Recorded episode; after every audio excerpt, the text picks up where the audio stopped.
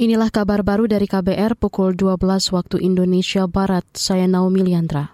Kita awali dari informasi pemilu 2024. Kabar Pemilu. Kabar Pemilu.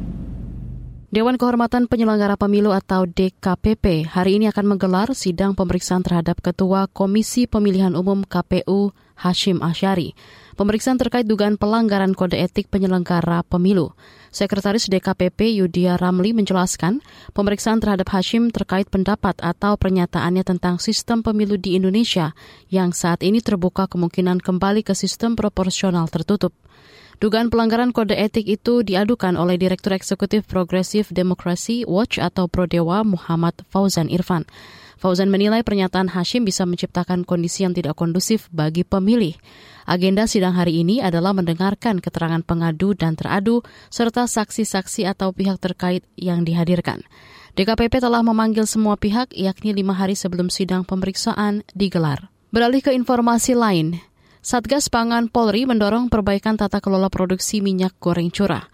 Para produsen diminta memperbanyak produksi minyak kita ketimbang minyak goreng curah tanpa merek.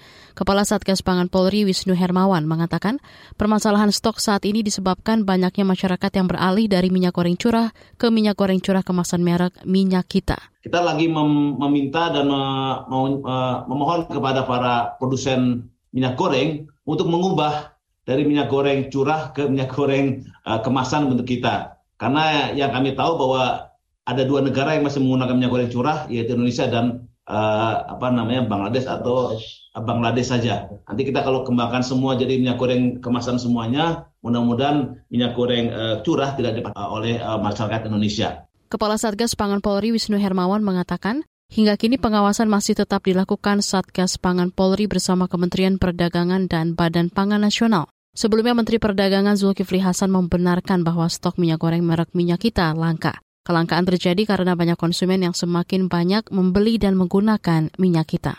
Kita ke lantai bursa.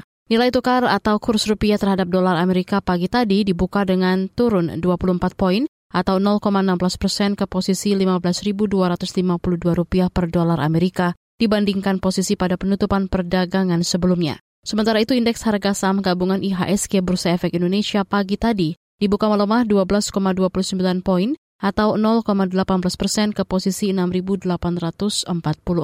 Sementara itu kelompok 45 saham unggulan atau indeks LQ45 turun 2,54 poin atau 0,27 persen ke posisi 944.